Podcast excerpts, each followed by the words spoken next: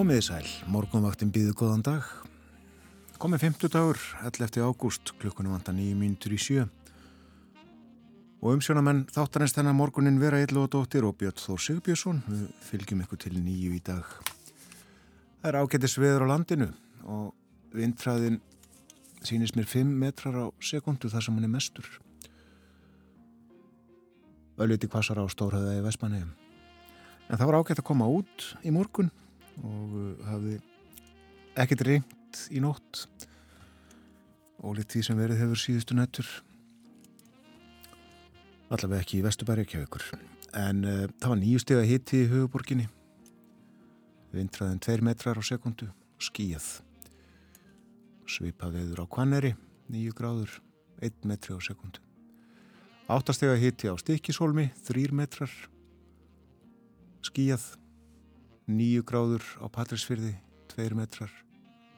Sjöstega hitti í Bólungavík, eitt metri á sekundu þar, andaði örlítið að vestan. Eitt metri líka á Holmavík, sjöstega hitti. Nýju gráður á Blönduósi, áttastig á Söðanisvita, áttastig líka á Akureyri og á Húsavík og einnig á Rauvarhöfn og vindræðin og þessum slóðum 1, 2 og 3 metrar á sekundu, eitthvað svo leiðis. Sjöstig á Skeltingstöðum, átta á Eilstöðum, þar var heiðskýrt klukkan 6. Nýjustig að hitti á höfni í hotnaferði, 11 gráður á kvískerum, 5 metrar á sekundu þar, söðvestan.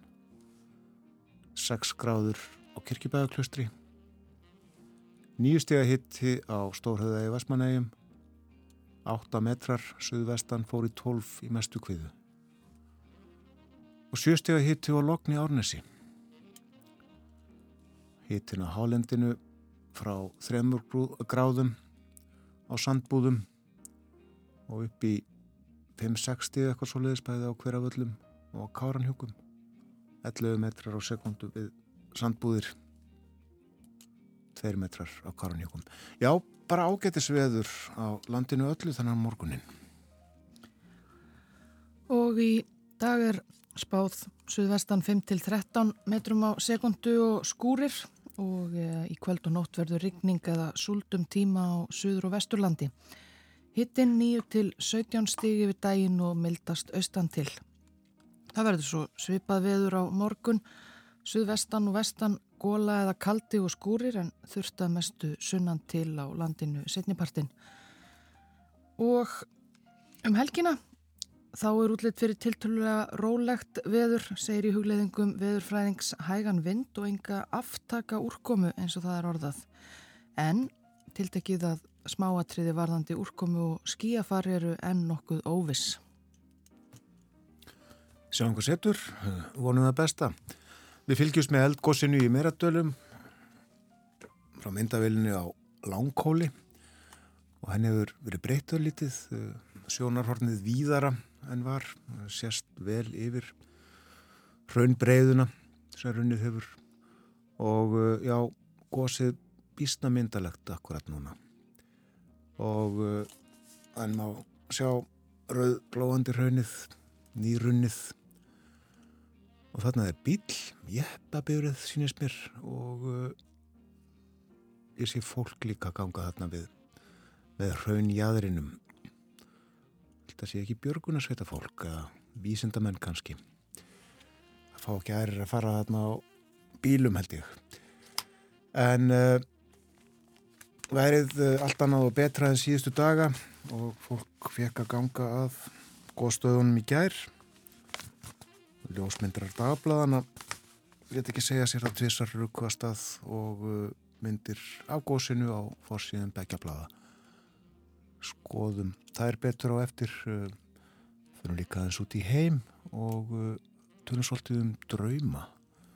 Gerum þetta mellir 7 og halv 8 Bói Ágússon verður með okkur á morgunvaktinni í dag heimsklukkin eftir morgunfrétnar klukkan 8 Drífa Snædal kemur til okkar líka. Hún uh, tilkynnti í gærum afsögn sína sem fórseti alltíðusambandsins svo ætlum við að tala eins um stjórnmál og lífið og tilveruna í Kenya meira en þetta allt saman á eftir. En uh, við hlustum nú á lag og uh, hér er sungið um sumarið.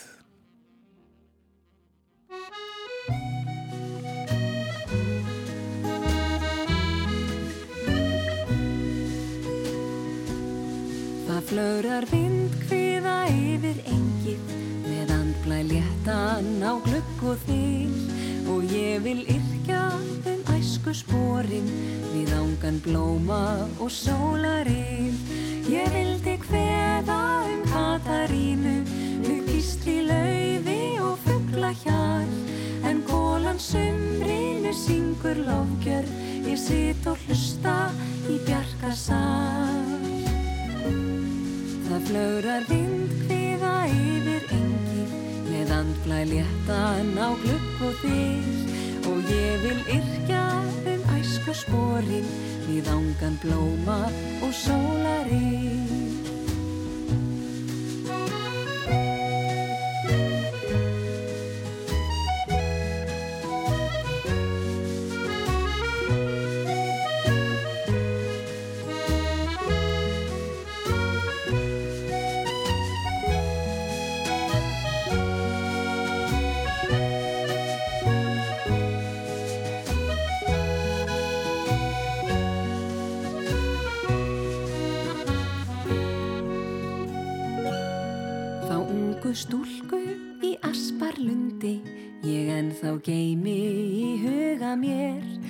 En árin liðu og urða draumi og einn ég ráfa um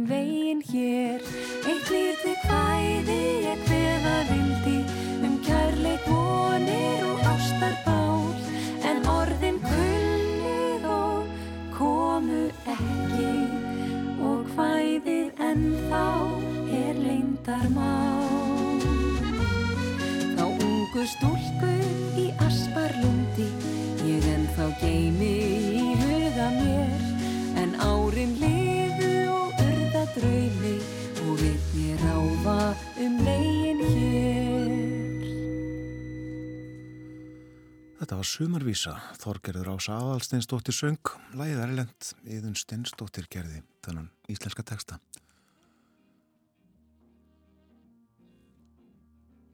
Það eru það bara tvær mínútri að við fáum frettir frá frettarstofu, koma á slæginu sjö eins og yðurlega. Fáum þá að heyra það sem er eftir bögi, helst á seiði í veröldinni. En eins og áður saði ímiðtlegt á dagskrá morgumvaktarinnar í dag, við förum betur yfir það í kynningu að frettum loknum.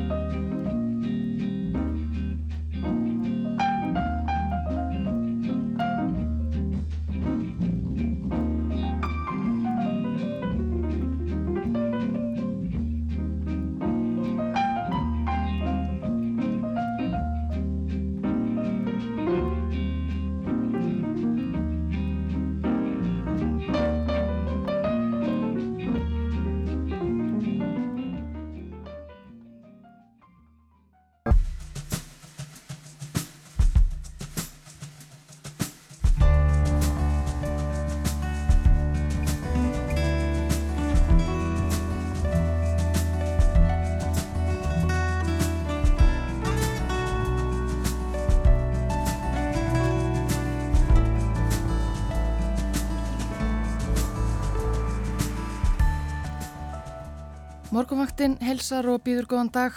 Það er 50 dagur 11. ágúst. Drífa Snædal leti gæra af ennbætti fórsetta alþýðu sambands Íslands. Í yfirlýsingu sagði hún ástæður afsagnarinnar meðal annars vera samskipti við ímsa kjörna fulltrúa, blokka myndun og óbærileg átök innan ASI.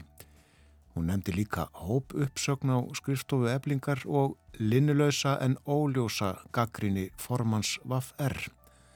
Drífa kemur til okkar klukkan halv átta og fer betur yfir málun. Kosið var til fórsetta á Things Kenya á þriðu dag. Loka tölur eru ekki enn komnar en útlitt fyrir að mjótt verði á munum milli fórsetaframbjöðandana Ræla og Dinga og William Ruto. Kostningarna fóru friðsamlega fram en það er atvinnuleysi og efnahagsmálinn sem helst brenna á kjósendum í þessu fjölmenna Afrikuríki. Anna Þóra Baldurstóttir hefur búið í grend við Nairobi í Kenya um árabil og rekkur þar heimili fyrir barnungar mæður. Við ræðum tíðindi og tilveru í Kenya við hana upp úr hálf nýju. Það er fymtudagur og þá er Bói Ágússon með okkur á morgunvaktinni. Nokkur mál eru á dasgrá, þurkar, hitar og gróðureldar í álfunni, samband og deilur tæfana og kínverja, kostningabaróta í Svíþjóð og gjaldþrótt bandarísku Dominós pizzukeðjunar á Ítalju, þar sem er ju lögheimili og varnarting flattbökunar. Við sjáum hvað við komist yfir. Bói verður hér eftir fréttir klukkan áttan. Umsjónumenn morgumvaktarinnar eru Björn Sigursson og Vera Ílúðadóttir.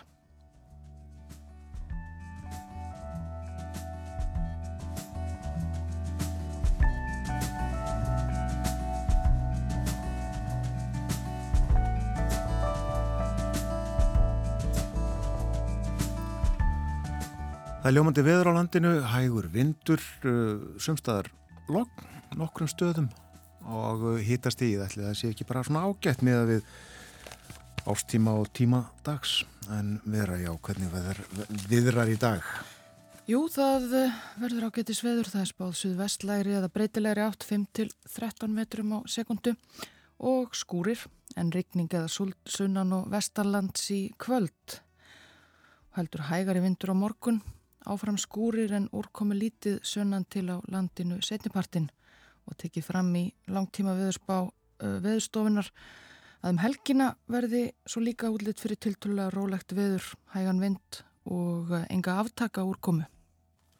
Nefnir það. Það viðræði ágætlega til gunguferða á góðstöðunum í gerð, góðstöðunum á Reykjaneskaga og fjöldi fólk sem að laði leið sína þangað virti fyrir sér góðsið og uh, við fylgjumst með í VF útsendingunni en uh, góðsið er á fórsýðum dagbladana í dag myndir af því þar að segja þeir uh, fóruð þángaði gerð Kristi Magnússon ljósmyndar í morgunbladsins og Ernir á hrettablaðinu og á mynd Ernir smá sjá ferðamenn sem að ja, annars vegar horfa á góðsið og hins vegar í myndavíl geti ég trú að allir þessi ekki verið að taka mynd þarna tveimur kampakátum konum. Brosa skert og uh, letu mynda sig með gósið í bakgrunni. Þannig að fórsýðu morgunblæðisins uh, er aukgósins uh, eru björgunarsveitamenn sem að virðast nokkuð ábúða fullir þarna. Margir virtu fyrir sér sjónaspilið við góðstöðarnar í meratölum segir hér á fórsíðu morgunplassis og það er líklegt að uh, margir gangi að góðstöðunum í dag. Uh, Þú skildir að þannig er það ekki viður spána að, að það muni viðrið þarna ágætlega? Jú, mér sínist það. Það fjallaði málefni um verkalegsreifingarinnar í fórsíðum frettum begja blada eftir afsökn Strífus Nædal á ennbætti fórsetta ASI í gær. Morgunblæði ræði við aðalstein Árna Baldursson, hann er formaður framsýnar á Húsavík. Hann segir það þarf að laga til reyfingunni og það þarf að koma á kraftmeiri og betri verkalýsreyfingu. Hann segir líka, við skulum ekki gleyma því að einir merkilegustu samningar sem hafa verið gerðir síðan þjóðasáttarsamningarnir 1990 voru undirritaðir eru lífskjara samningarnir síðast. Það sem verkalýsreyfingin samtök aðtunni Sæðlabankin og stjórnvöld settust við sama ringborðið og töluðu sér niður og niðurstuðu. Rættu fleiri hér í frétt morgunbladsins, eh, til dæmis Haldur Benjamin Þorbergsson, frangatastjóra samtaka aðtunlífsins, sem segir ekki óeðlilegt að upp úr sjóði á einhverjum tímapunkti. Og hann segir líka, ég held að það séu tækifæri í öllu. Það eru válind veður núna af mörgum ástæðum. Og hann þakkar drífu samstarf undan farin ára. Og meira alltíðu samband Íslands og samtök aðtunlífsins vinna að fjöldamörgum framfaramálum sem far ekki jafn hátt og kjærasamningar að því sögðu þykir mér leitt að þetta farið sem fór hjá allþýðusambandinu. Og uh, í samtali við fréttablaðið út til okkar Kristján Þórður Snæbjarnason var að fósiti allþýðusambands Íslands uh, ekki að bjóða sér fram til ennbættis fósita en hann tekur í dag við sem fórseti sambandsins eftir að drífa hætti. Og já, spurður hvort hann hafi hugsað sér að bjóða sér fram sem fórseti á þingi ASI í höst, segir hann, það getur alveg verið. Ég ætla ekki að útiloka það. Maður þarf að sjá þessa tvo mánu og hvernig málinn ganga, heyra í baklandinu og meta það. En ég er ekki búin að taka neina ákvörðun. Drífa Snædal verður hjá okkur uh, eftir 20 mínútur eitthvað svo leiðis við ætlum að spjalla vitt og breyti við kaffibotla. Fleira á fórsíðum bladana, uh, þeirri íslenskir menn á 50-saldri hafa verið ákjærðir fyrir alvarlega líkamsárás á íslenskan karlmann á 60-aldri í Danmörku á lögadag. Ástand Þólandans er sagt stöðugt, hann er komin úr lífsættu. Segir að þeir getu átt yfir höfði sér alltaf 6 ára fangilsi. Og einni hérna hér á fórsíðu fréttablaðsins um vopnasendika bandrækjamanna til Úkrænu. Nú uh, í hlaðvarpsamtali morgunblaðsins dagmálum er uh, rætt við Lilju Björg Einarstóttur, hún er bankastjóri landsbankans. Segir hérna í litlum móla á fórsíðunni eftirlit skröfur sem eiga rætur að reyki til Evrópu valda því að æfleiri handtök innan bankakerfisins fara í að fylla út skýslur og svara erendum frá eftirlitstofnunum. Og Lilja bankastjóri segir að starfsmenn bankans sendi eftirlitstofnunum að jafnaði tvær skýslur á dag, alla virka daga ásins. Og hún uh, leggur áherslu að virt eftirlit sé mikilvægt en að það megi þó ekki verða svo íþingjandi að starfsfólk horfi fyrst og síðast í baksíni speilin. Ég sá ekki betur þegar ég fletti réttablaðan í morgunin að sama mál sé rætt þar og það er Bendit Gíslason, bankastjóra Arjónbanka, hann var gestur í sjóhanstættinu Markaðnum sem síndu var á ringbrötu gær. Rætt var um regluverkið í kringum bankastar sem er hér á landi. Ég mislett fleira reynda líka. Og uh,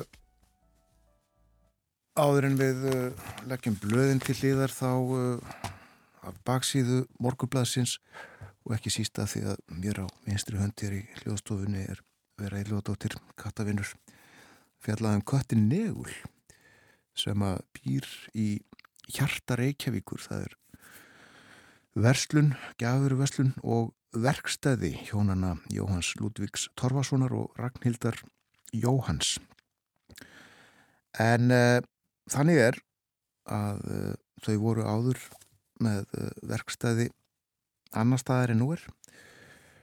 Og uh, sagan er sögð svona Negull fór að venja komur sínar til okkar fyrir þremur árum þegar búðin var ofar á lögaveginum nær hans fyrra heimili. Hann bjóð á grættiskutu Fyrst kíkti hann í heimsókn en svo fór hann að dvelja allan daginn í ákveðnum stól og þann stökk hann svo niður klukkan 6 þegar við slögtum ljósin og hjælt sína leið. En þegar við fluttum hingað fyrir tveimur árum þá eldi hann okkur þegar við vorum að flytja dótið. Hann ákvaði þetta alveg sjálfur. Það sem ekki er hægt að stjórna köttum fekk hans vilji að ráða í þessu máli. Eigendur hans báð okkur í ljósi þessarar höðunar Katarins að taka negul í fóstur sem við og gerðum.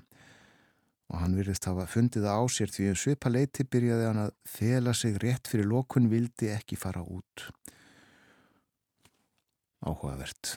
Negull ákvaða bara sjálfur að hann ætlaði að búa hjá þessu fólki í hjarta Reykjavíkur. Negull flutti sjálfur inn í hjarta Reykjavíkur, segir í fyrirsöknu.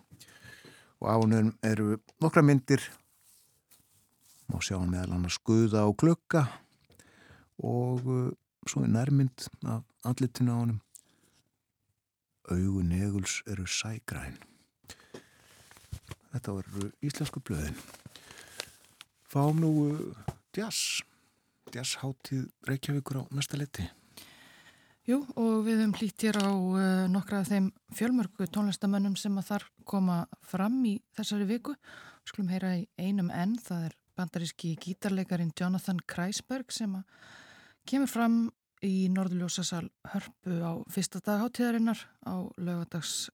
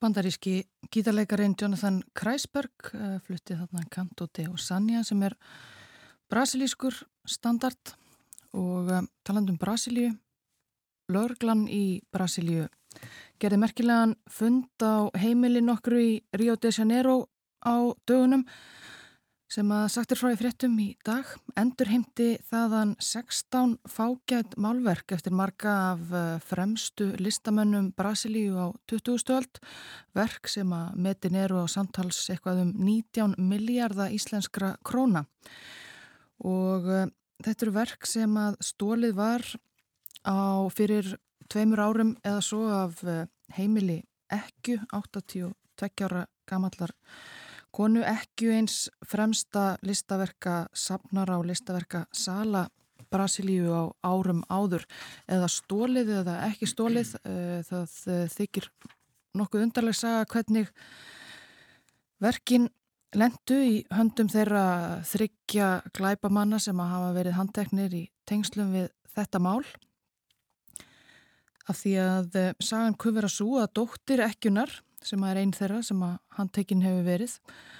Mun hafa árið 2020 eh, ráðið konun okkra til þess að látast vera miðill og eh, henni var falið að vingast við gömlu konuna og eh, ávinna sér tröst hennar og samfærið hann síðan um að enga dóttirinn væri degjandi og eina ráðið væri að, að taka þátt í einhvers konar andlegum aðtöfnum með eh, miðlum og eh, prestum og eh, borga fyrir það með þessum málverkum sem að gamla konan leta af hendi þeirri trúum að hún væri að bjarga lífi dóttur sinnar frá einhverjum óþektum sjúkdóm eða jafnvel, jafnvel bölfun og þannig smátt og smátt enduð þessi, þessi fágætu verk í, í höndum dótturinnar og vitors manna hennar og, og voru falinn sem sé á heimili eins, eins þeirra sem að handteknir hafa verið og þarna er meðal annars uh, verk eftir, eftir Amaral sem var einn fremsti uh, modernista málari Brasilíu, verk uh, sem var metið er á 8 miljardar íslenskra króna, sól sest og fannst það falið í rúmbotni þarna á þessu heimili Rio de Janeiro. En sum sé það er búið að handtaka bæði dóttur, gömlu konunar og, og vitorsmenn hennar og, og, og mikil gleði í brasilískum listaheimi með að þessi, þessi fágetu verk hafa verið endurheimt. Það er með það. Ég hitti í gerðmorgun mann sem að sagði, ég drýmdi sól, endarust sólskinn, glada sólskinn. Vistu hvað það þýðir? Nei, sagði ég. Ég hef ekki hugmyndu um það. En uh, bauðst til þess að finna út úr því og uh, fann til stóru draumaráðningabókina sem að Símón Jón, Jóhannes, Jóhansson tók saman. Kom út 1995 Vaka Helgafell gaf út. Og hvað allir segir þar um sóluna ef fólk dreymir sól? Jú, sólin er tákn einingar, sannleika, ljós frjósemi, hýttak, næðar og auðæfa. Sjáum en sóluna rýsa við sjóndeildar hringin í draumi fá þér góðar fréttir og gengur vel í lífinu. Setjist sólinn er merking drömsins gagstæð. Nú veit ég ekki alveg hvernig þetta var hjá mínu manni. En dreymi menna er horfi á sólina mun einhverjum viðskiptum ljúka, markmið nást, leindarmálum verða uppljóstrað, veikindi batna eða föngum sleft. Sjáum en sóluna hálf hulda skýjum, rauða eða heita, munið er standa frammi fyrir hindrunum í starfi. Einni getur börn dreymandans verði í hættu eða hann sjálfur. Slíki draumar eru þó góð sviti fyrir afbrótamenn. Dreymi menn að sólinn setjist yfir húsi þeirra er það fyrirbóði eldhættu. Skíni sólinn í Svefnherbergi dreymandans er gróða og hamingju að vænta. Egi dreymandin von á barni verður það drengur. Dreymi mennaðir sjá í sóluna hverfa eða að hún sé hulinn skýjum er ills von. Slíku draumur gæti verið fyrirbóði um andlott eða hugsanlega blindu eftir slís eða veikindi. Sjáum en sóluna skína um höfðu sitt merkir það að glæpamenn verða síknaðir en aðrir njóta góðus orðstýrs. Dreymi menna er komið inn í hús þar sem sólinn skín, eignast þeir fastegnir. Þeli sólinn sig á bakvið skí, þá er það vábúði. Sjáum en sólina og tunglið nýga saman er það ólánsmerki. Dreymi menna að sólinn komi upp eða setjist á heiðum himni er það mjög góður fyrirbúði, sérstaklega hvað var þar allt málafafstur og lagfræðilega atriði. Rísi sólinn eða setjist á skýðum himni er það aftur á móti ylsviti. Horfi menn á sóluna fara á bakvið ský og byrtast svo aftur. Þá lenda þeir í vandraðum, en allt fer þó vel að lokum. Sjáu ástfangnir menn sóluna skína skert verður ástvinnur þeirra góður lífsförunitur. Sé dreymandin í hjónabandi bóðar slíkur draumur betri tíð í starfi og fyrir fjölskylduna. Dreymi mennaðir horfi á sérlega fallegt sólalag er það fyrirbóði langvarandi veikinda. Hverfi sólinn skindilega deyrs á veiki. Í íslenskri þjóðtrú segir að sjáu menn fleiri eða færri sólir á lofti í draumi bendir það til mannsláts í þeirri átt sem sólirna sáust. Þetta var um sólina og það er alls konar og þetta segja það. En uh, veður, hvað ætla að segja um veður í stóru draumaráningabókinni? Jú, draumar þar sem veður kemur mikið við sögu geta sagt dreymandanum hans eigin veður spá. Þeir segja fyrir um storma, solskin eða logg í framtíð hans. Slíkir draumar eru þó oftar tákn fyrir sálar ástand dreymandans í vöku og veðusbá, hlusti menn eða horfi á veðusbá, ættu þeir ekki að treysta engungu á guð og lukkuna heldur eigin domgreind þegar taka þarf ákvarðanir. Þetta var um sólina og veðrið og veðusbána. En það gís í meradölum, ætli fólk dreymi eldgós. Hvað ætli það merki? Letnum því upp. Ég... E. Eldgós. Þetta er stutt. Að dreyma eldgós bóðar hagljel og þrumuður. Dreymi fólk eins og það er eld. Já, þá er það tákn líkamlegs og andlegs styrks dreymandans og segi til um hvernig hann notar hann í vöku. Fari eldur og vatn saman í draumi er merkingin öruglega tengt tilfinningum. Sér eldur til dæmis slögtur með vatni hefur dreymandin heimil á tilfinningum sínum í krafti skinnseminar. Fólk sem dreymir eld er oft skapmikið og það er gömul íslensk þjóðtrú að dreymi menn eld bóði það illindi, illviðri eða mikla snjókomu og sjáum enn lítinn reiklausan eld í dröymi er dreymandin við góða hilsu en sé eldurinn slögtur er hann fegur kannski eitt í við, viðbót. Hús. Ef fólk dreymir hús hvað þýðir það? Dreym mennaði byggi hús muniður ganga í hjónaband en séu menn þegar gengnir út muniður standa frammi fyrir vandamálum og kvíða. Segjum þetta gott að draumaráningum í byli úr stóru draumaráningabókinni. Símón Jón Jóhansson skrifaði tók saman Frettæðilitið kemur eftir stuttastund, eftir það verður drífast nætal gestur okkar.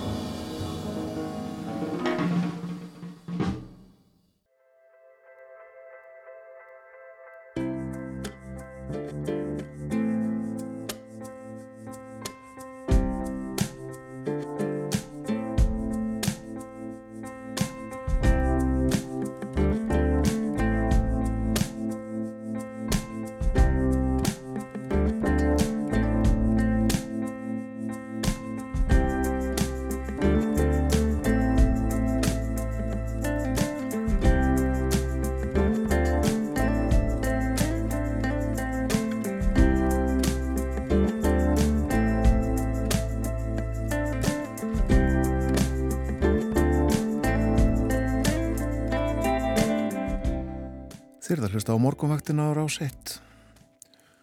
Klukkan réttliðilega halv átta, það er 50 dagur í dag komin 11. ágúst. Um sjónamenn þáttarins í dag vera Elva Dóttir og Björn Þór Sigbjörnsson.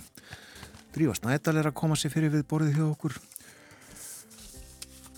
og uh, á meðan hún setur sér í stellingar, ef svo maður segja, þá minnum við á að Bói Ágússon verður hér með okkur eftir morgun 13. klukkan 8, heimsklukkin á sínum stað á morgunvaktinni á 50 degi og ímiðslegt á daskra hjá okkur í dag en uh, eins og svo ofta áður þá þurfum við að setja fyrirvera um það uh, hvað tíminn leifir okkur að fara yfir.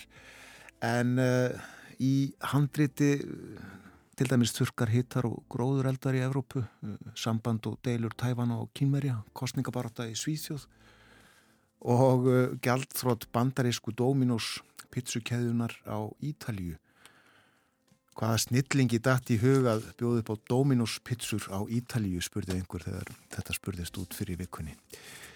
En svo ringjum við til Kenya vera. Já, það var kosið í Kenya á þriðu dag bæði til fórsetta á Things, spennandi kostningar, úrslitin ekki enn ljós en allt fór svona friðsamlega fram. Það eru efnagsmálinn sem að brenna vist helst á kjósendum í, í Kenya og Og við ætlum að forvitna staðins um, um þetta og almennt um tilveruna í Kenya við uh, ringjum í Önnuþóru Baldurstóttir sem að búið hefur í grend við Nairobi um árabill. Þar einhver hún heimili fyrir barnungar mæður í bári stöðu og við ætlum að spjalla við hana upp úr uh, hálf nýju. Drívar Snædal, velkomin til okkar. Takk.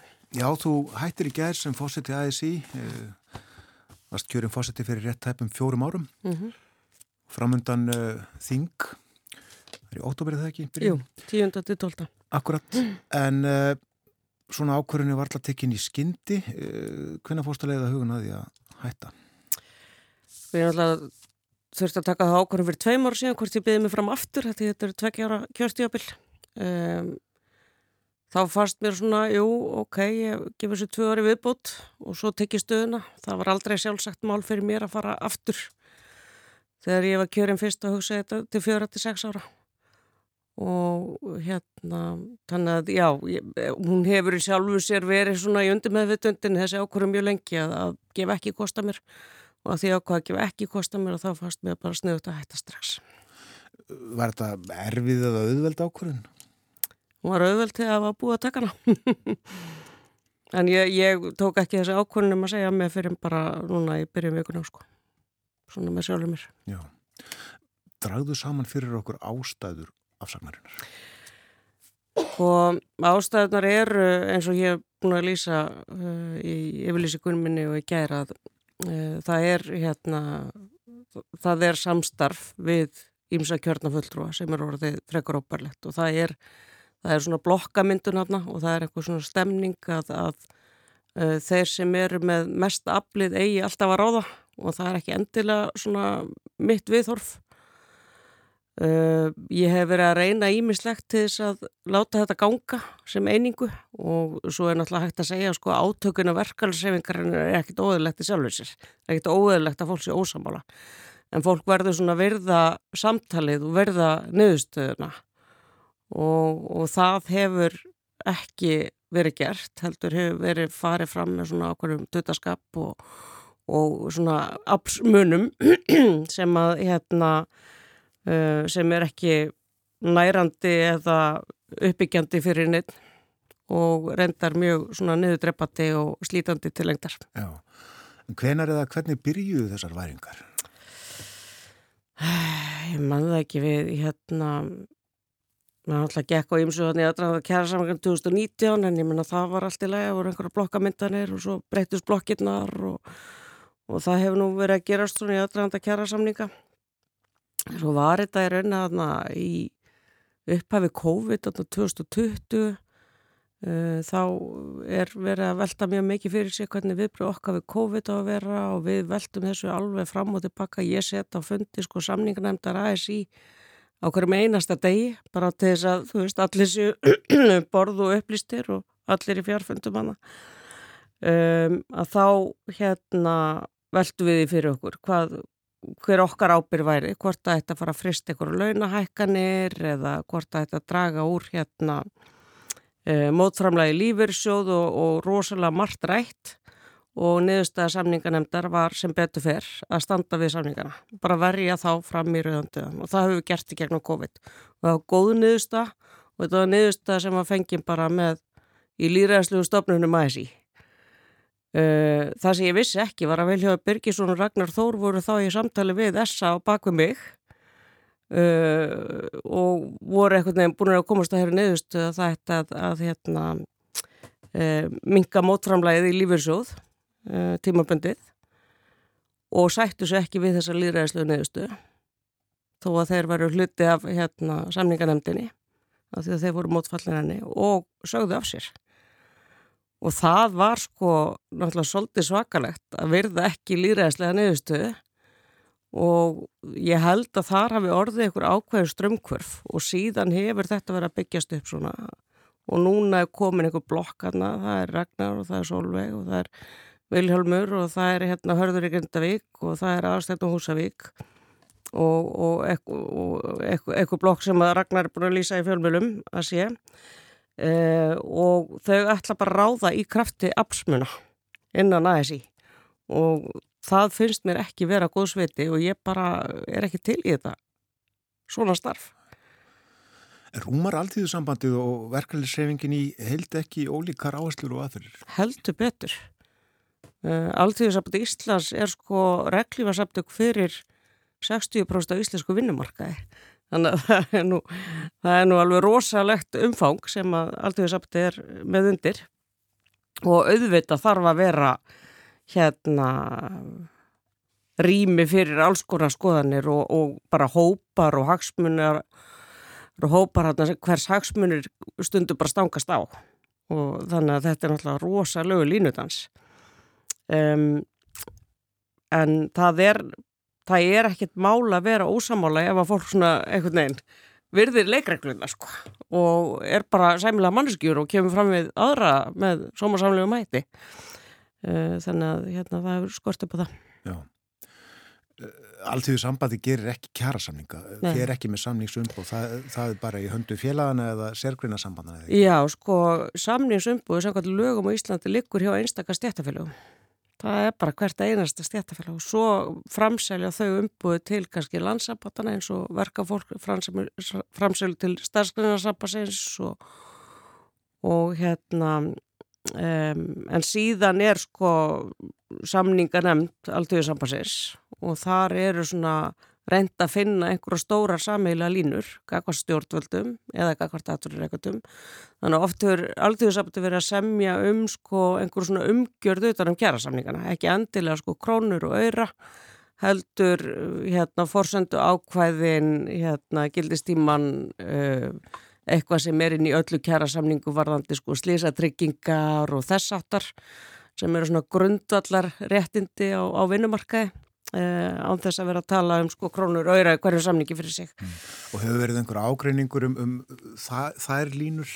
Í, það á bara eftir að koma í ljós. Þetta er sko Uh, ég hef verið að hamast oft við að reyna að finna málarblæðar ágreining stundum og það hefur ekkit alveg verið ljóst. Þetta er sko Um, þetta eru völd og absmunir sem að ráða þarna ferðin þetta er valdabandalög og ekki alltaf hægt að setja fingur á málefnilega ákræning en auðvitað eru svona hagsmunir sem uh, eru ólegir uh, hvort það að vera prósetuhækkanir eða krónutöluhækkanir uh, hversu langt á að seglast í vasa fólks í lífeyrisettindi til að borga fyrir eigi húsnæði til dæmis.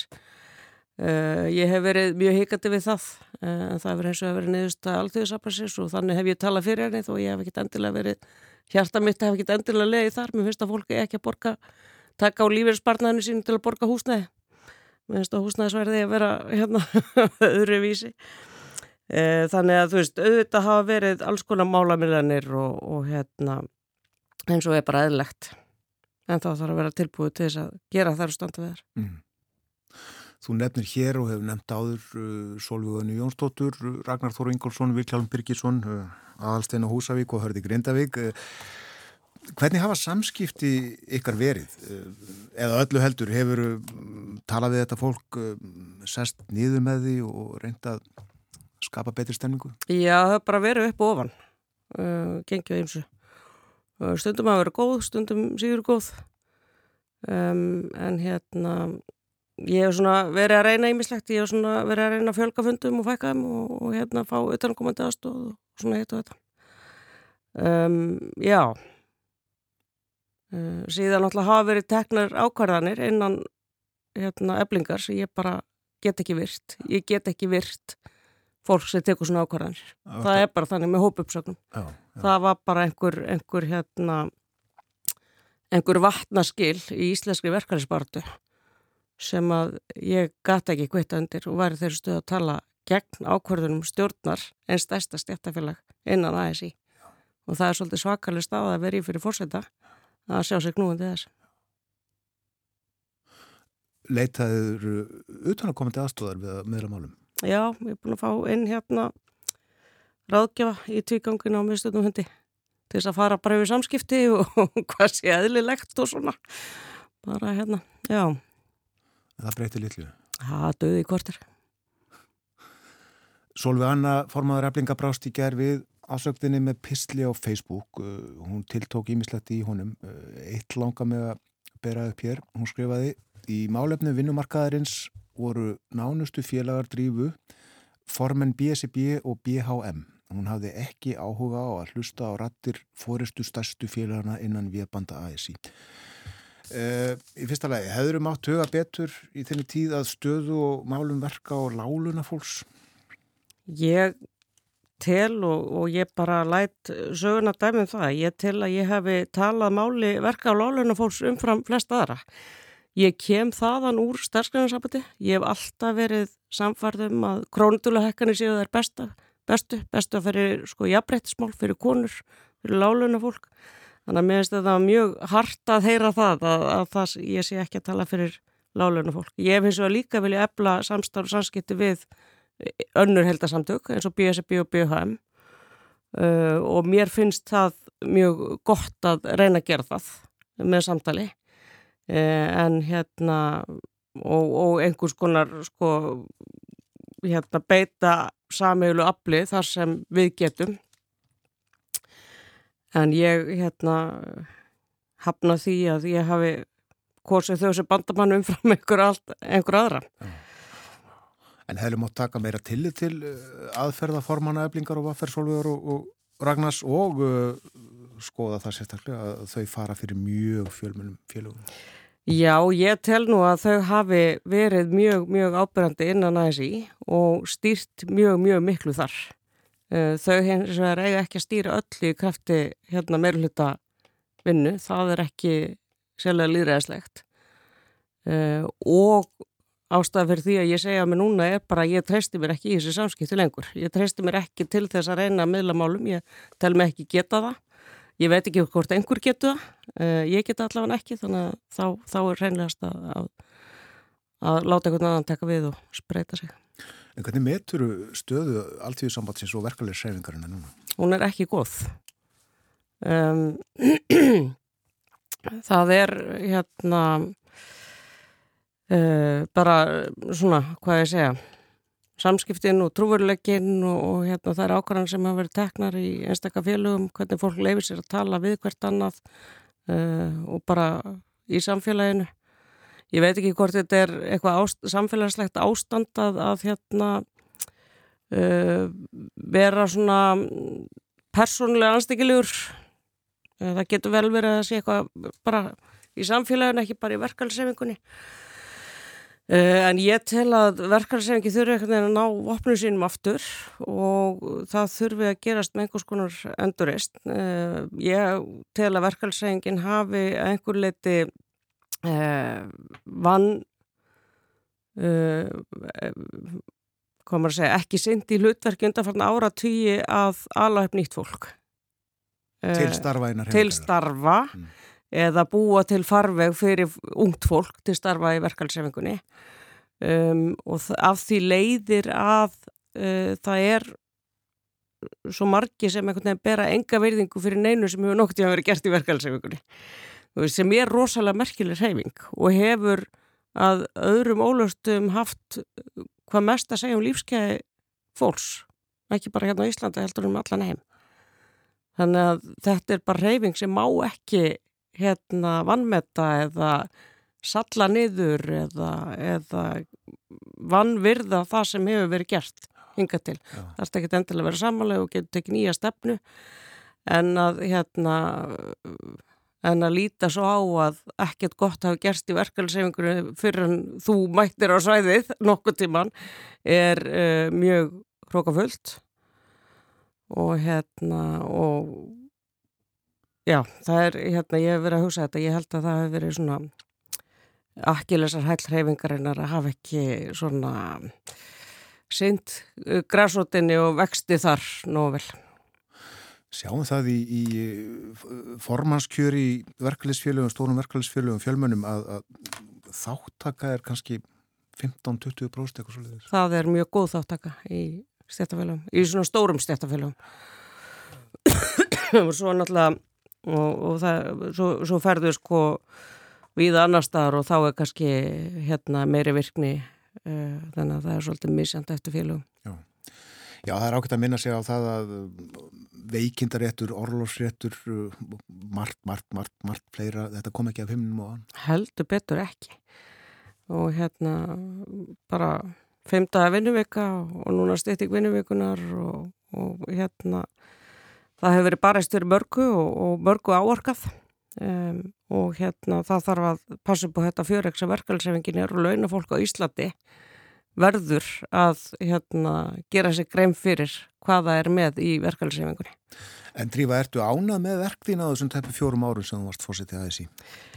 Já, það er ímislegt sem ég er mjög ánað með og stolt. Og það er svo sem ekki bara ég sem hefur staðið í því, heldur hefur verið hérna rosalega gott teimi af stafsfólki og, og náttúrulega kjörnum fulltrúum líka, það er ekki eins og við höfum ekki áorkan einu heldur.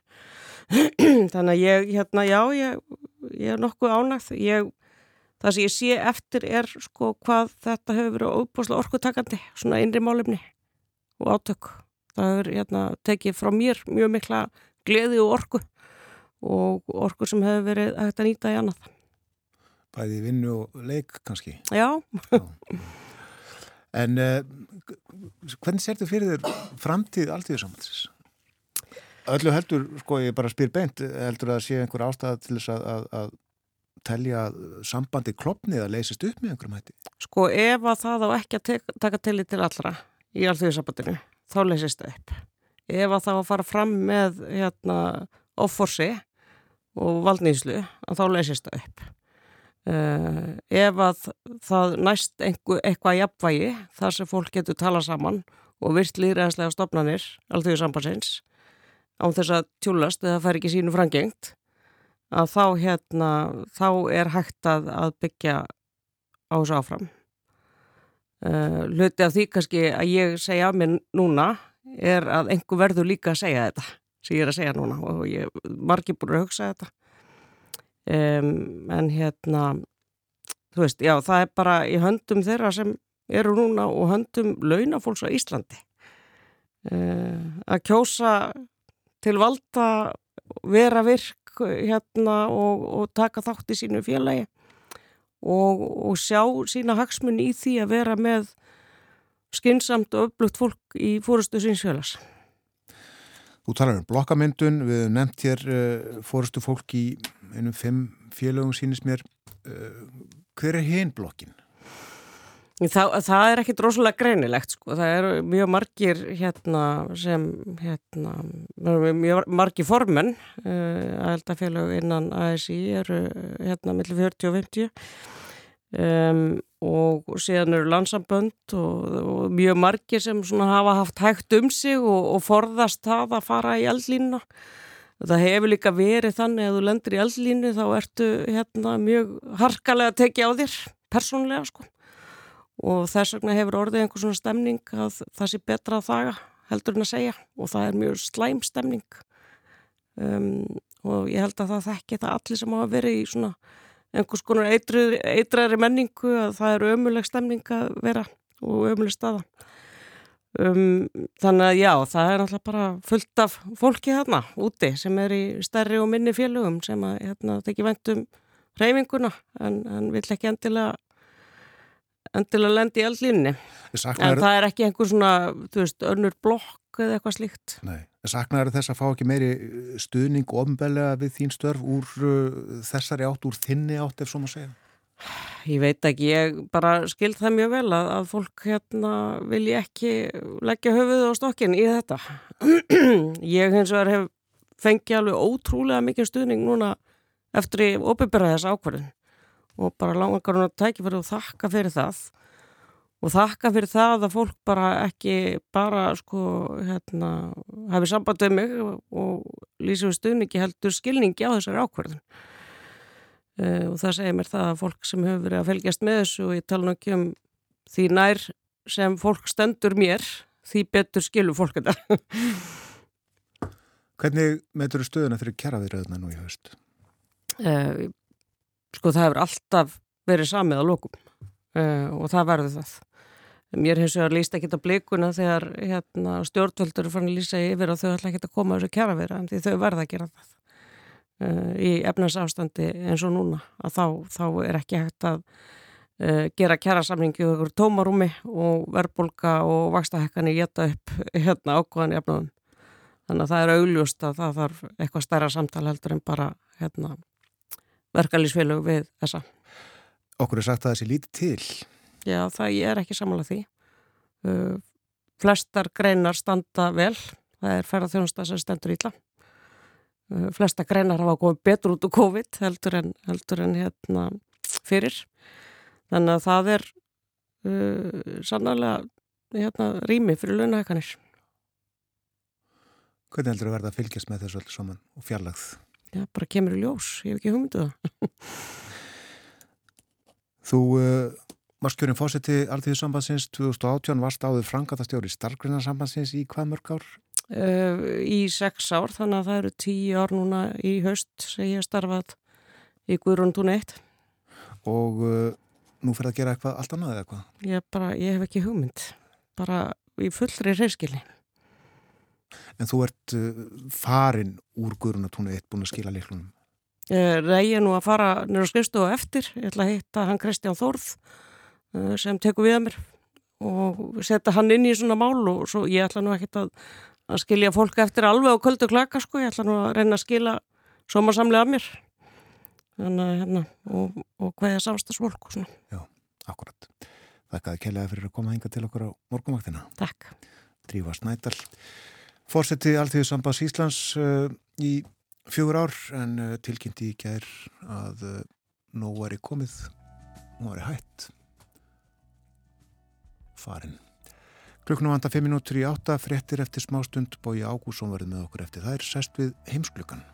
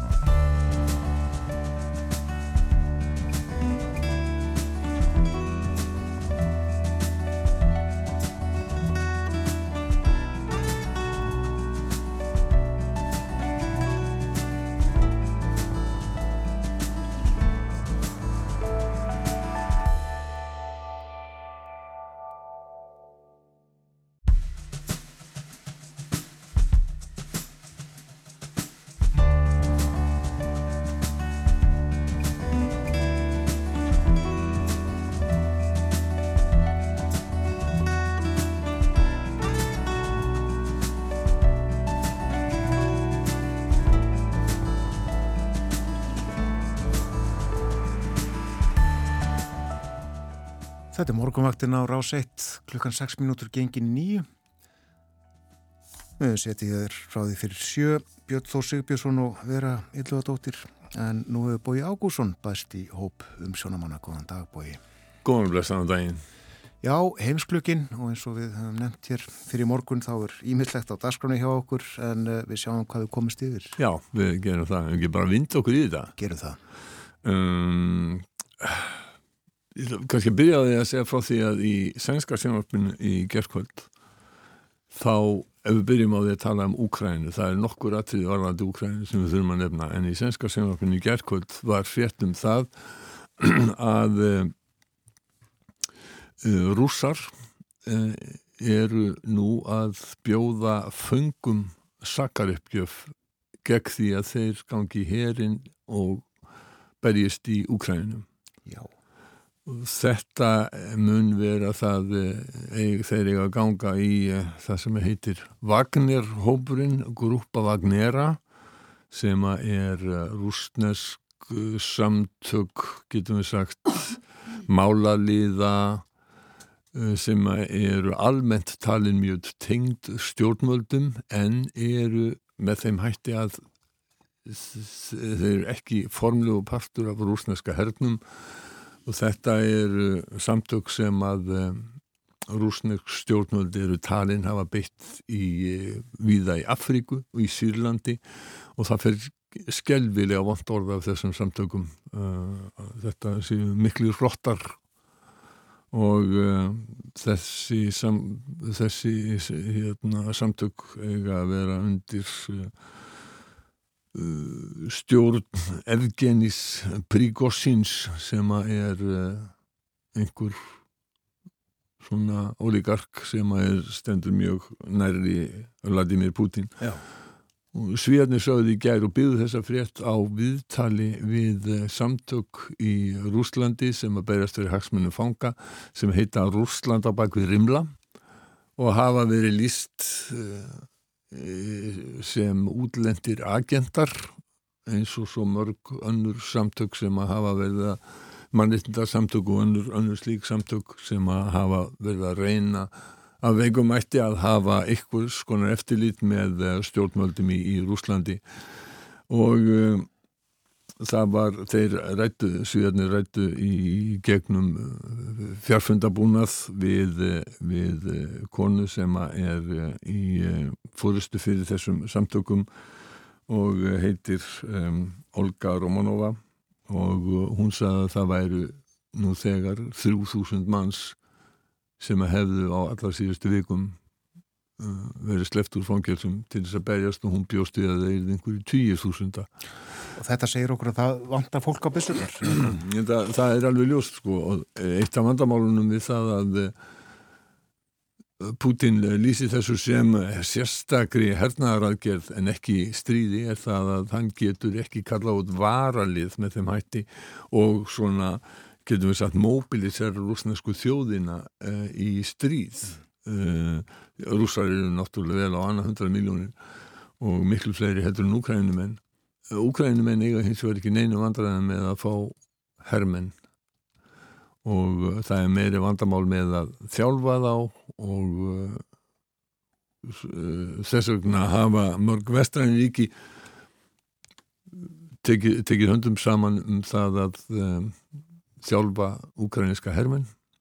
Og uh, þar að meðal uh, breytar hafa verið stórtækir í þessu og danir tilkynntu núna að þeir ætlu að gera það meðal uh, sko það er núna í dag er ráðstefnaði Kaupmannab 26 vestræðna ríkja til stuðnings Úkrænu og það er verið að tala um svona praktískan stuðning með hvaða hætti er hætta aðstóða Úkrænu menn uh, meira og, og, og betur og, og svona beitna og þarna er varnamórar, mjög margi varnamórar af þeirra og það er samkvæmt fréttamarsræti og þarna er eh, Ísland líka á sinn fulltrúa.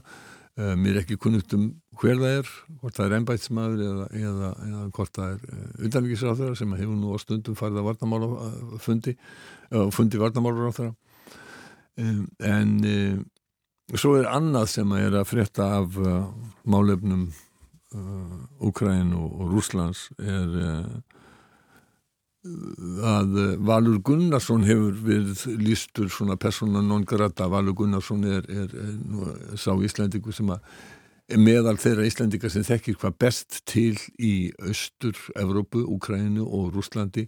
Rúsnegs stjórnvöld hafa, hafa í rauninni líst hann persóna non grata, hann sett inn á Facebook e, í gær e, að e, nú færi hann sennileg ekki mikið til Rúslands á næstunni.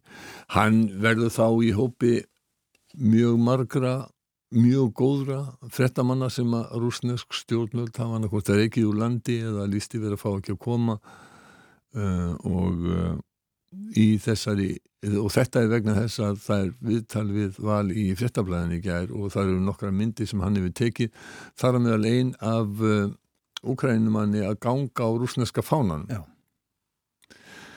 og og, og eitt af því sem að Valur skrifaði á, á, á Facebook er og fyrst er sektuðu stein steinar hvað geraði við reflegir svo mig ja, vegna þess að það er í íslenskum lögum en þá um, 95. grein almennra hegningarlaga sem segir sko hver sem smánar ofinbellega ellend ríki í þjóðþöðningja þessið að fána Uh, skal sæta sektum eða fangils eftir sekt, sex árum ef sektir eru miklar.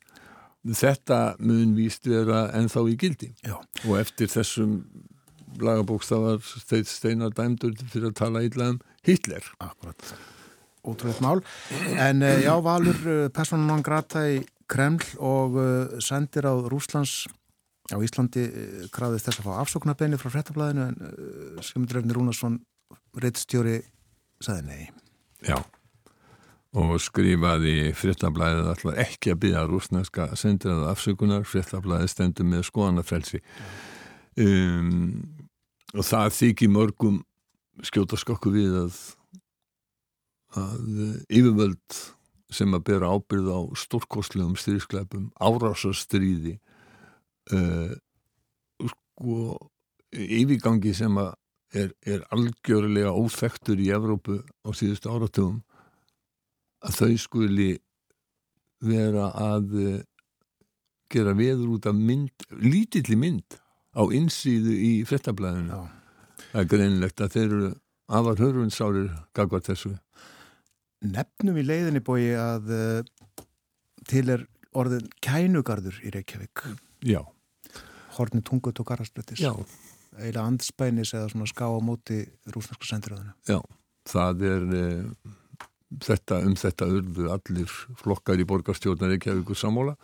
Það tók nú dálítinn tíma að e, rinda þessi framkvæmt en e, það varð í gerð og þá borgarstjóri og fulltrúar úkrænumanna þeir festu, festu hérna upp skildi fyrir þá sem að vilja fyrir að snána en þetta múið benda á það að þá fjallaðu þetta til dæmis í fréttum ríkisútvarsins í gær og frétt að finna um þetta á, á vef ríkisútvarsins um, annað sem er frétta frá Úkrænustríðinu er það að já, í fyrir dag eru gríðarlega sprengingar á, á, á Saki herflugvilli eh, á Krímskaga rúsneskum herflugvilli og uh, rússar uh, nýlegar uh, gerðinþáttamindir sem var bara vel að byrsta núna um, sína að það hefur orðið alveg gríðarlega eðilegging þarna og að, mista kosti e, hvað, minnum ég, 8 að 9, 9 flugvila séu ónýtar um, á þessum herrflugvili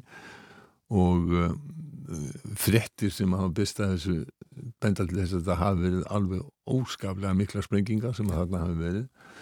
Um, Úkrænumenn hafa vil ég ekki kannast við það að hafa gert árás á herrfljóðullin en það er hann það langt í burtu segja að sérfræðingar að uh, jável þessar nýju hímars uh, eldflöga sem þeir eru að fengi frá bandaríkjónum uh, þetta sé utan þess svæði sem að það er ná til en, en, en svo hafa þeir verið að gefa í skín að já, hugsanlega hafið verið einhverju skemtaverkamenn á þeirra vegum en að því við vorum nú að vísa í þessar ástefnu í Kaupanöfn og þá er varnamálur á þar Úkrænu komið þangað og hann sagði við danska sjónvarpið í gæra sennilega hefði þetta nú bara verið að rúsneski hermenn hefði ekki virt reglu nummer eitt í umgengni við springiefni ekki reykja.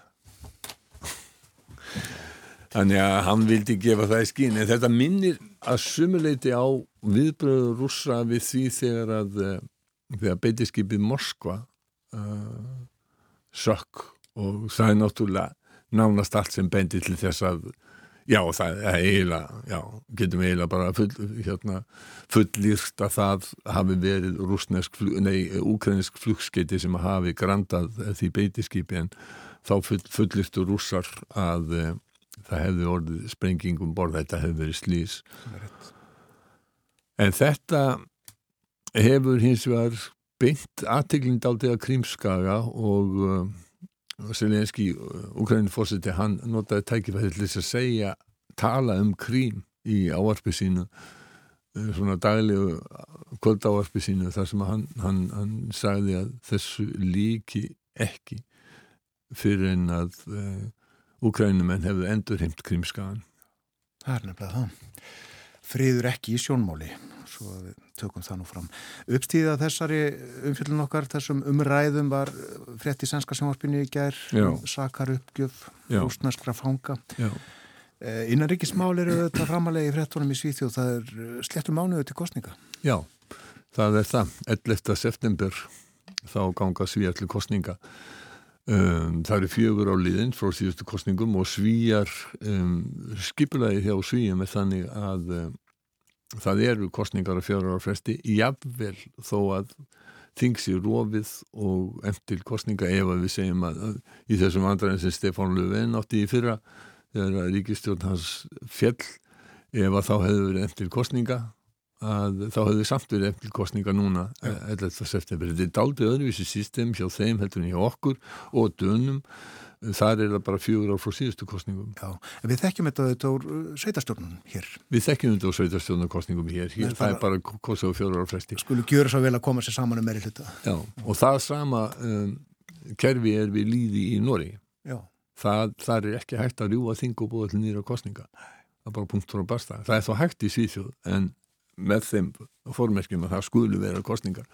Nú höfuðanstængarnir í Svíþjóði eru eins og uh, vel upplýstir hlustendur heimsklugans vita það eru krataðir annars vegar jafnaðamannaflokkurinn sem nú er undir fórustu Magdalena Andersson uh, eftir að hún tók við af Stefan Löfven og svo er það Moderatana sem eru stesti flokkurinn á hægri vagnum sem er uh, undir, undir fórustu núna Ulf Kristerssons um sko kannanir, nýjustu kannanir sem ég séð benda til þess að þetta verði mjög spennandi kostningar kratarnir eru eitthvað með aðeins minna fylgi núna heldur en að þeir fengu í e, síðustu kostningum en þeir fylgið hafði orðið meira en það hefur minkað núna fimm mánuði í röð í konunum sem aftonbladið e, gerir og eða lætur gera og uh, það uh, bendir til þess að gæti orðið mjög spennandi kostningar þar. Og sænsk stjórnmál eru náttúrulega í uppnámi get, eftir að Svíþjóðademokrátarnir urður svona öflugir. Lengi vel vildi engin flokkur og þingi vinna með þeim en, en svo samstaða hefur rofnað og það er eiginlega alveg orðið ljós núna að ef að borgarflokkarnir um, fá tækifæri til þess að þá uh, myndu þeir taka Svíþjóðademokratana með með einu með öðrum hætti, kannski ekki beintin í ríkistjórnir, er það kannski í sama hlutverki og danski þjóðaflokkurinn var lengi í Danmörku, stutti ríkistjórn og, og en, en, en eh, tók ekki ráþeirar þeir, þeir, þeir skipuði engar ráþeira en þeir hafði, danski þjóðaflokkurinn hafði gríðarlega mikil áhrif á dönsku stjórnina í tíma að, þegar Lars Lökke var fórsættis á það og ríðu mjög miklu. En uh, Svíþjóðademokrátarnir hafa núna eignast já getum við sagt sýstur flokk í Danmörku, allavega heitir hann Danmörkur demokratarnir og það er það er Inga Stauberg sem við nú oft tala um fyrir hann til var að formaði venstri dæmt fyrir landsdómi og uh, búin að afplána sinn dóm uh, en uh, og búin að stofna flokk. Og þið voru nú að tala um dansk stjórnmál við Borgþór Argrímsson í gær. Þannig að við erum ekki degið allt og miklum tíma um það í, hérna, í það. Hlustendur eru vel upplýstur um það. En við getum á hinbóin bent á að frá því að þið rettu við bókaði gær þá hefur það gerst að radikali venstri sem eru korki í róttakin í vinstri sinnaður um, og heita núna ég bara radikali uh, jú, þeir uh, hafa ítrekkað að uh, þeir ætli ekki að setja þessa ríkistjórn á, á vetur, hún er ekki að vetur setjandi, þeir. Þeir krefjast þess að Mette Freyriksson fórsættir sá það búið nýra kostninga fyrir þingsetningu í oktoberbyrjun gerist það ekki þá ætla þeir að leggja fram vantröst sem að öllum líkindum er því samþýgt. Kostningar þurfa sko að fara fram á næsta ári. Júni, síðasta legi. Í, í, í júni í, í síðasta legi. Þannig að það er, það er uh, ljóst að það eru tíðindi framöndan í, í skandinaviskum stjórnmálum. Já. Kanski ekki svo mikið að þetta frá Nóri og Finnlandi eða Íslandi en frá Danmörk og Svíþjóð er, er, er mikið að frétta. Já. Það er eitt af því sem er mjög mikið í fréttum allstaða núna er, eh, eru þurkar og hittar. Og eldar. Og eldar vegna, vegna þurka og hitta.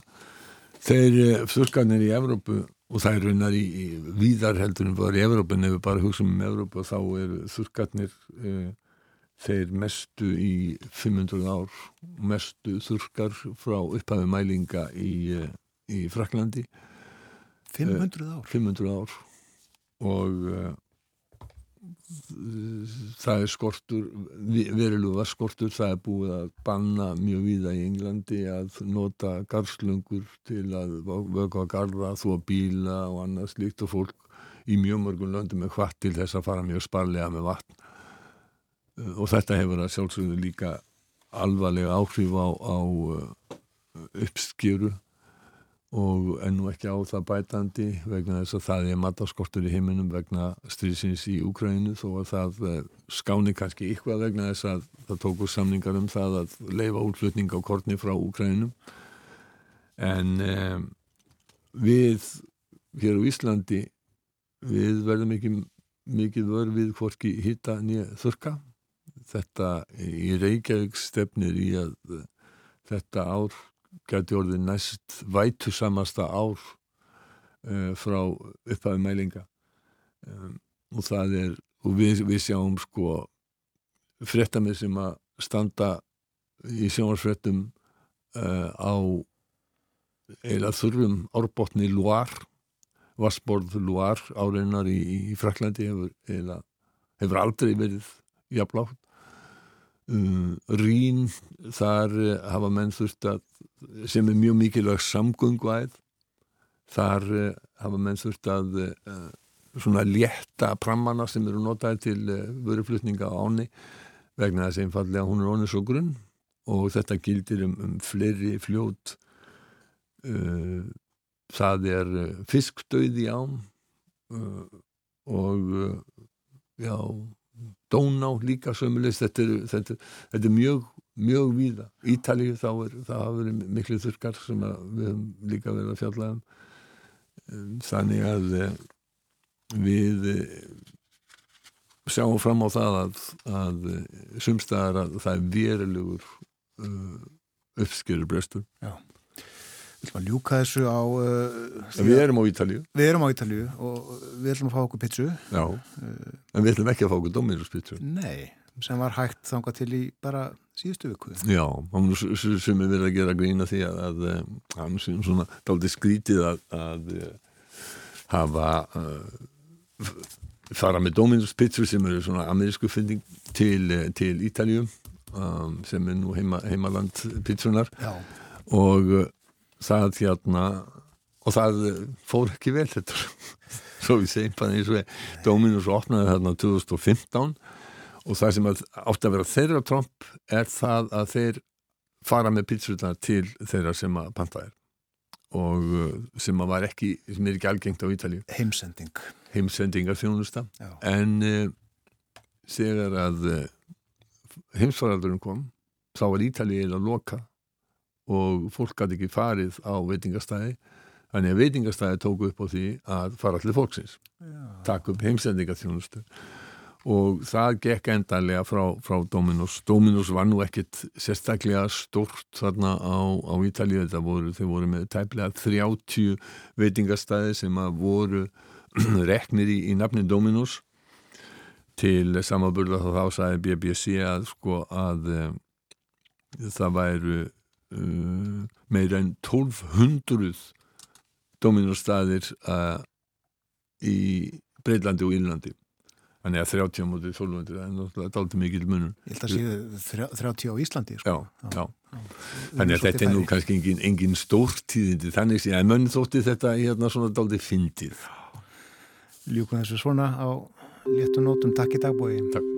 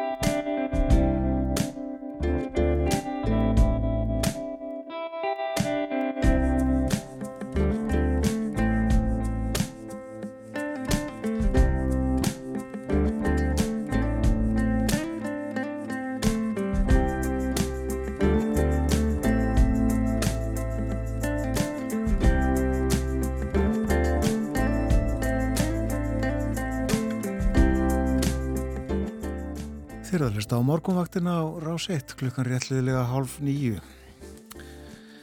50 ári dag kominn 11. ágúst. Bói Ágússon var með okkur hér áðan við fjöldluðum um Erlend málefni.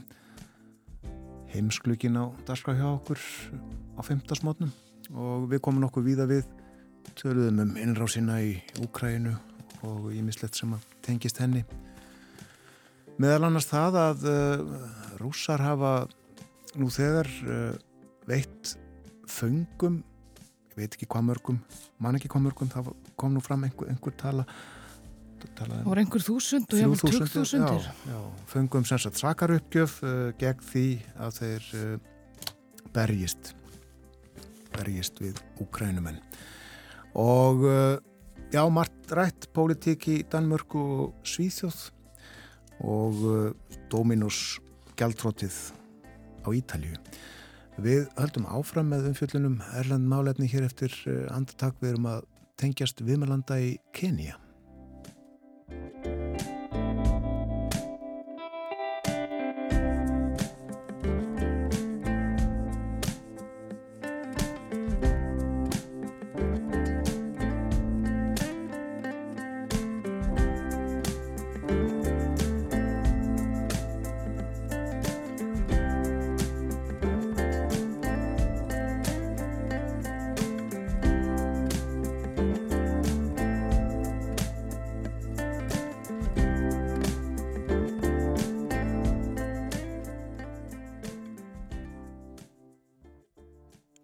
Já, við höldum áfram með Erlend málefni.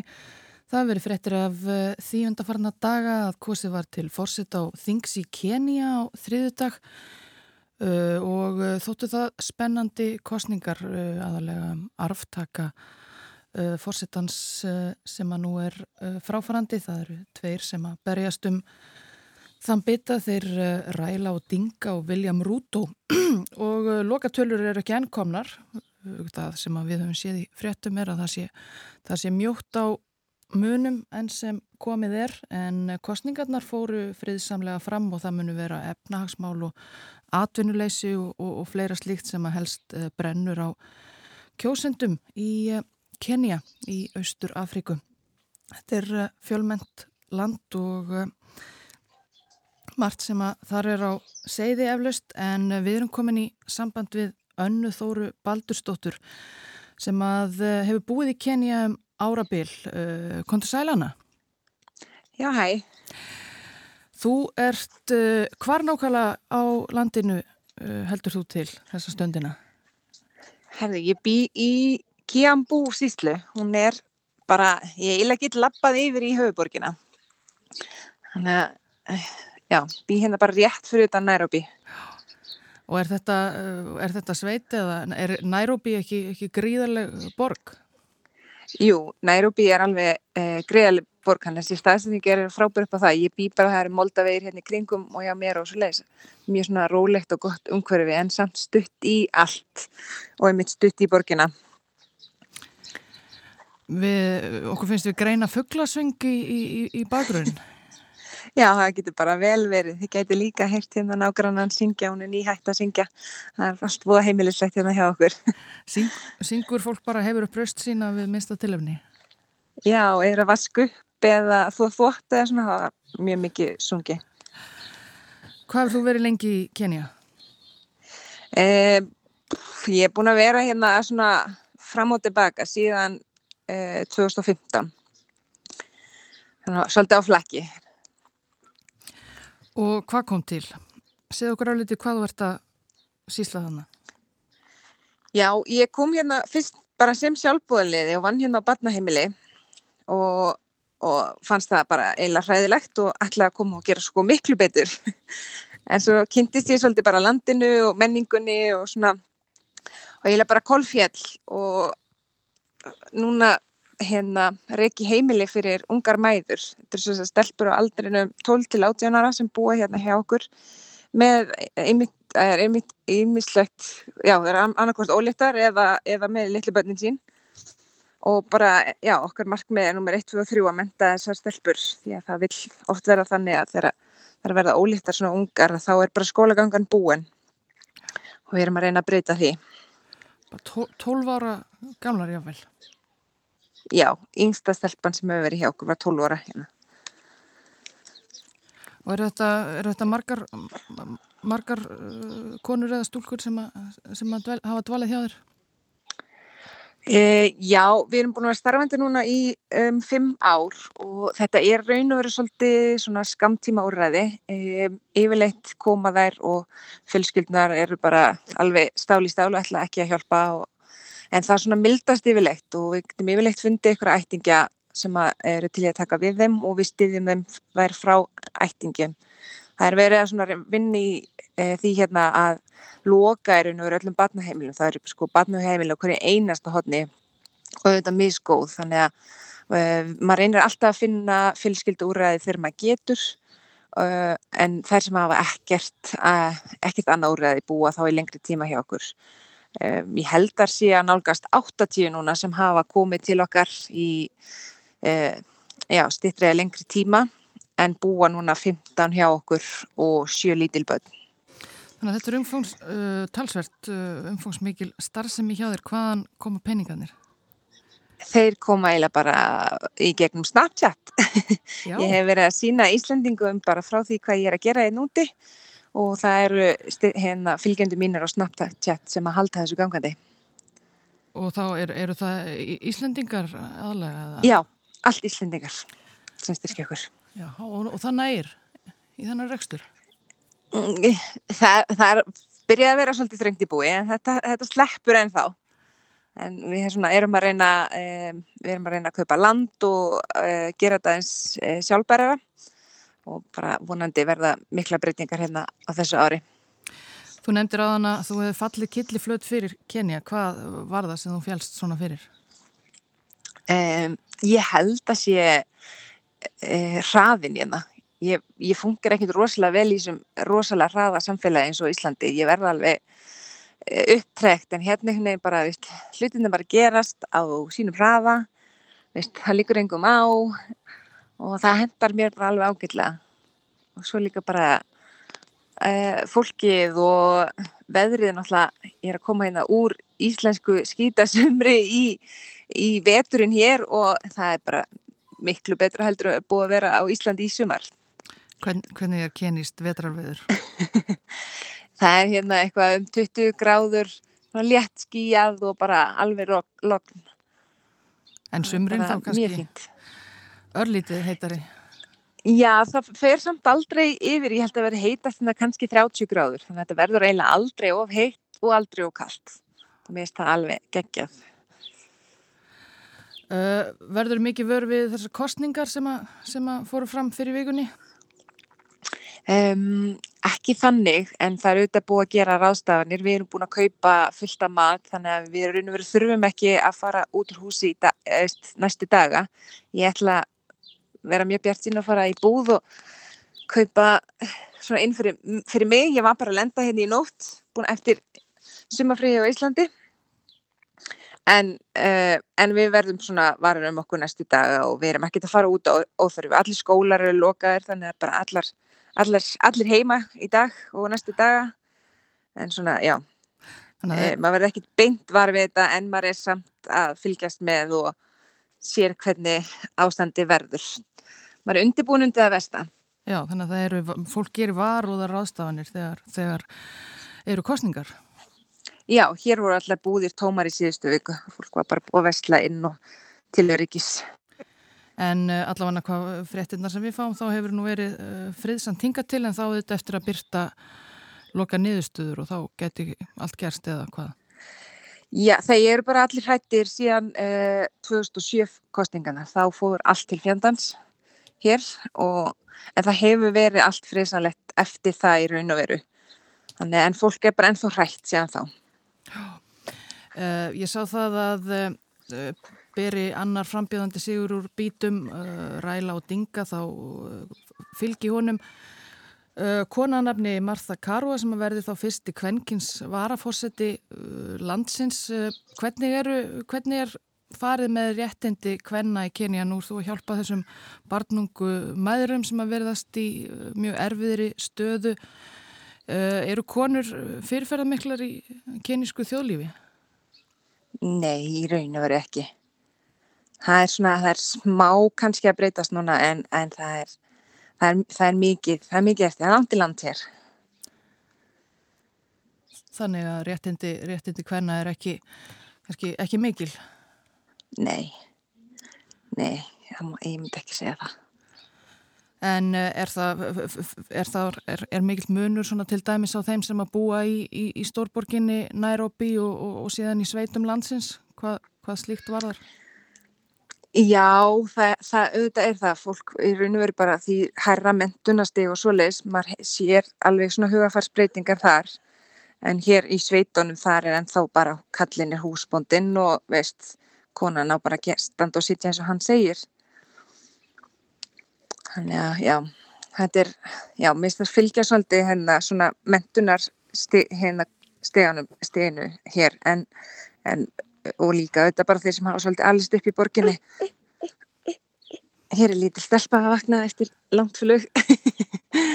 já, já, er það uh, þín eigin? Já, lítið stelpa mín. Á hún kenískan föður? Já. Þannig að þú ert eh, búin að koma þér ansi vel fyrir þannig, eh, heyrist mér á öllu. Ætlar að ílengjast í Kenya? Eða? Já, þetta er mjög svona óræðið. Ég var alltaf búin að segja að ég myndi koma heim áður en dótti mín myndi byrja í skóla. Það verður svona allt í leið meðan hún er, hún er bara 30 ára ennþá. En svo er ég ekkit alveg vissi lengur. Bara, ég ætla bara að sjá hvernig það gengur. Ef það gengur vel þá er ég ekkit leina heim en ef það gengur illa þá er bara gott að vita að ég maður getur alltaf að fara heim. Það, og þú með áformum um þetta eh, heimili sem þú rekur um að, um að Já, ég hef, hef margt sem ég langar að gera hérna en svo bara sjáum við hvernig allt gengur. Náttúrulega eh, veldur rosalega mikið allt á fjármagni hvað við getum gert og svo leys en, en það, við getum samt, við getum margt gert eins og staðanir í dag þannig að við heldum bara fram Með hjálp snabbt hér Já. Talaður um það að eitt af því sem þú uh, kynir að metta í Kenya væri, væri hraðin eða kannski já, hraðin allu annar en hér í, í, í hraðanum á Íslandi. Hvernig, uh, hvað er dagurinn í skauti sér? Hvernig er dæmigerðu dagur hjá þér? Eh, dagarnir hér eru rosalega mísjafnir. Það er bara eh, veldur svolítið á hvað er að dasgra á. Er, við erum, erum með nokkra stelpur sem er að, með dómsmál í gangi og svo eru náttúrulega alltaf einhverja óléttar eða með lítil börn, þannig að það eru leknatímar og svo leiðs. En um, næstu dagar verður bara rólega heitt, reyna að jafna sér á tímamuninum og koma sér fyrir aftur eftir, við erum búin að vera sex vikur á Íslandi. Já. Og, en, já. en já, dagurinn hér er mjög óútreiknarlegur ef ég ætla að slaka og þá er þá sért ég ekki niður allan daginn en ef ég held stundum að verði alveg brjálaði dagur hjá mér svo verður bara allt í nægt að gera þannig að það er bara mjög óútreiknarlegi dagarnir hérna En uh, klukkan að nálgast hátegi Kenya núna ekki satt? Jú Fuglarnir syngja og nákvæmannarnir uh, eh, sömu leiðis og engin veit hvað hva dagurinn ber í skauti sér. Já. Uh, Anna Þóra Baldursdóttir uh, í Kíambú, rétt við Nairobi, þakka þér kærlega fyrir spjallið og njóttu dagsins. Já, takk fyrir, við leiðis. Símsamband við Kenya og þá við hæfi að hlýða á keníska tóna myndi ég halda. Eh, við hefum heyrt fugglasöng en eh, nú skulum við heyra í söngkonunni Nínu Ógott.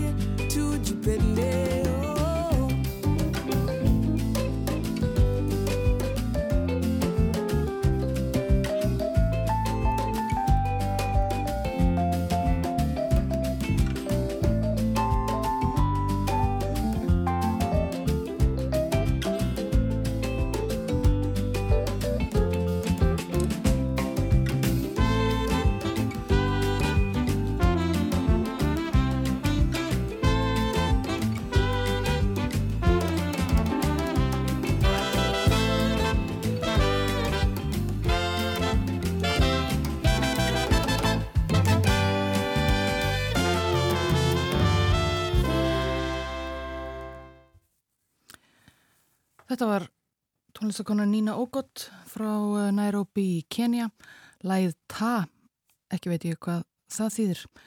En uh, við spilum þetta í tilöfni þess að uh, við vorum í sambandi við Kenya áðan, Kiambu, norður af Nairobi, þar sem Anna Þóra Baldurstóttir rekur heimili fyrir barnungar mæður og hefur búið þar um árabil innan um fugglasöng. Frettablaðið uh, segir frett úr Britsheiminum á blaðsíðu 2 í dag. Þannig er að Jón Baldursson tekur í dag við starfi landslis innvalds í opniflokki í Brits til næstu fjögur ára.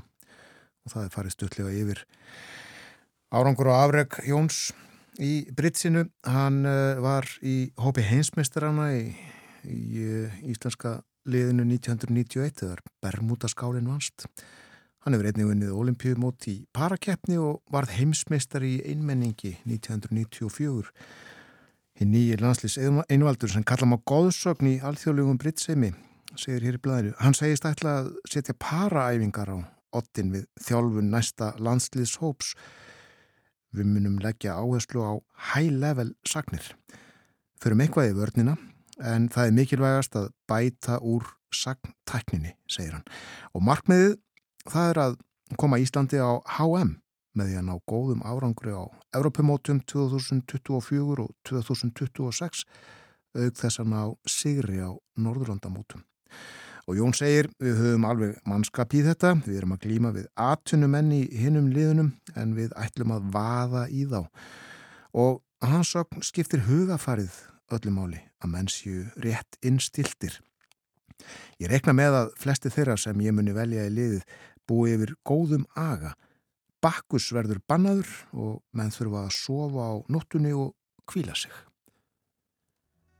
Jón Baldursson, dýr uh, landslýs innvaldur í Britsi frá með deginn í dag.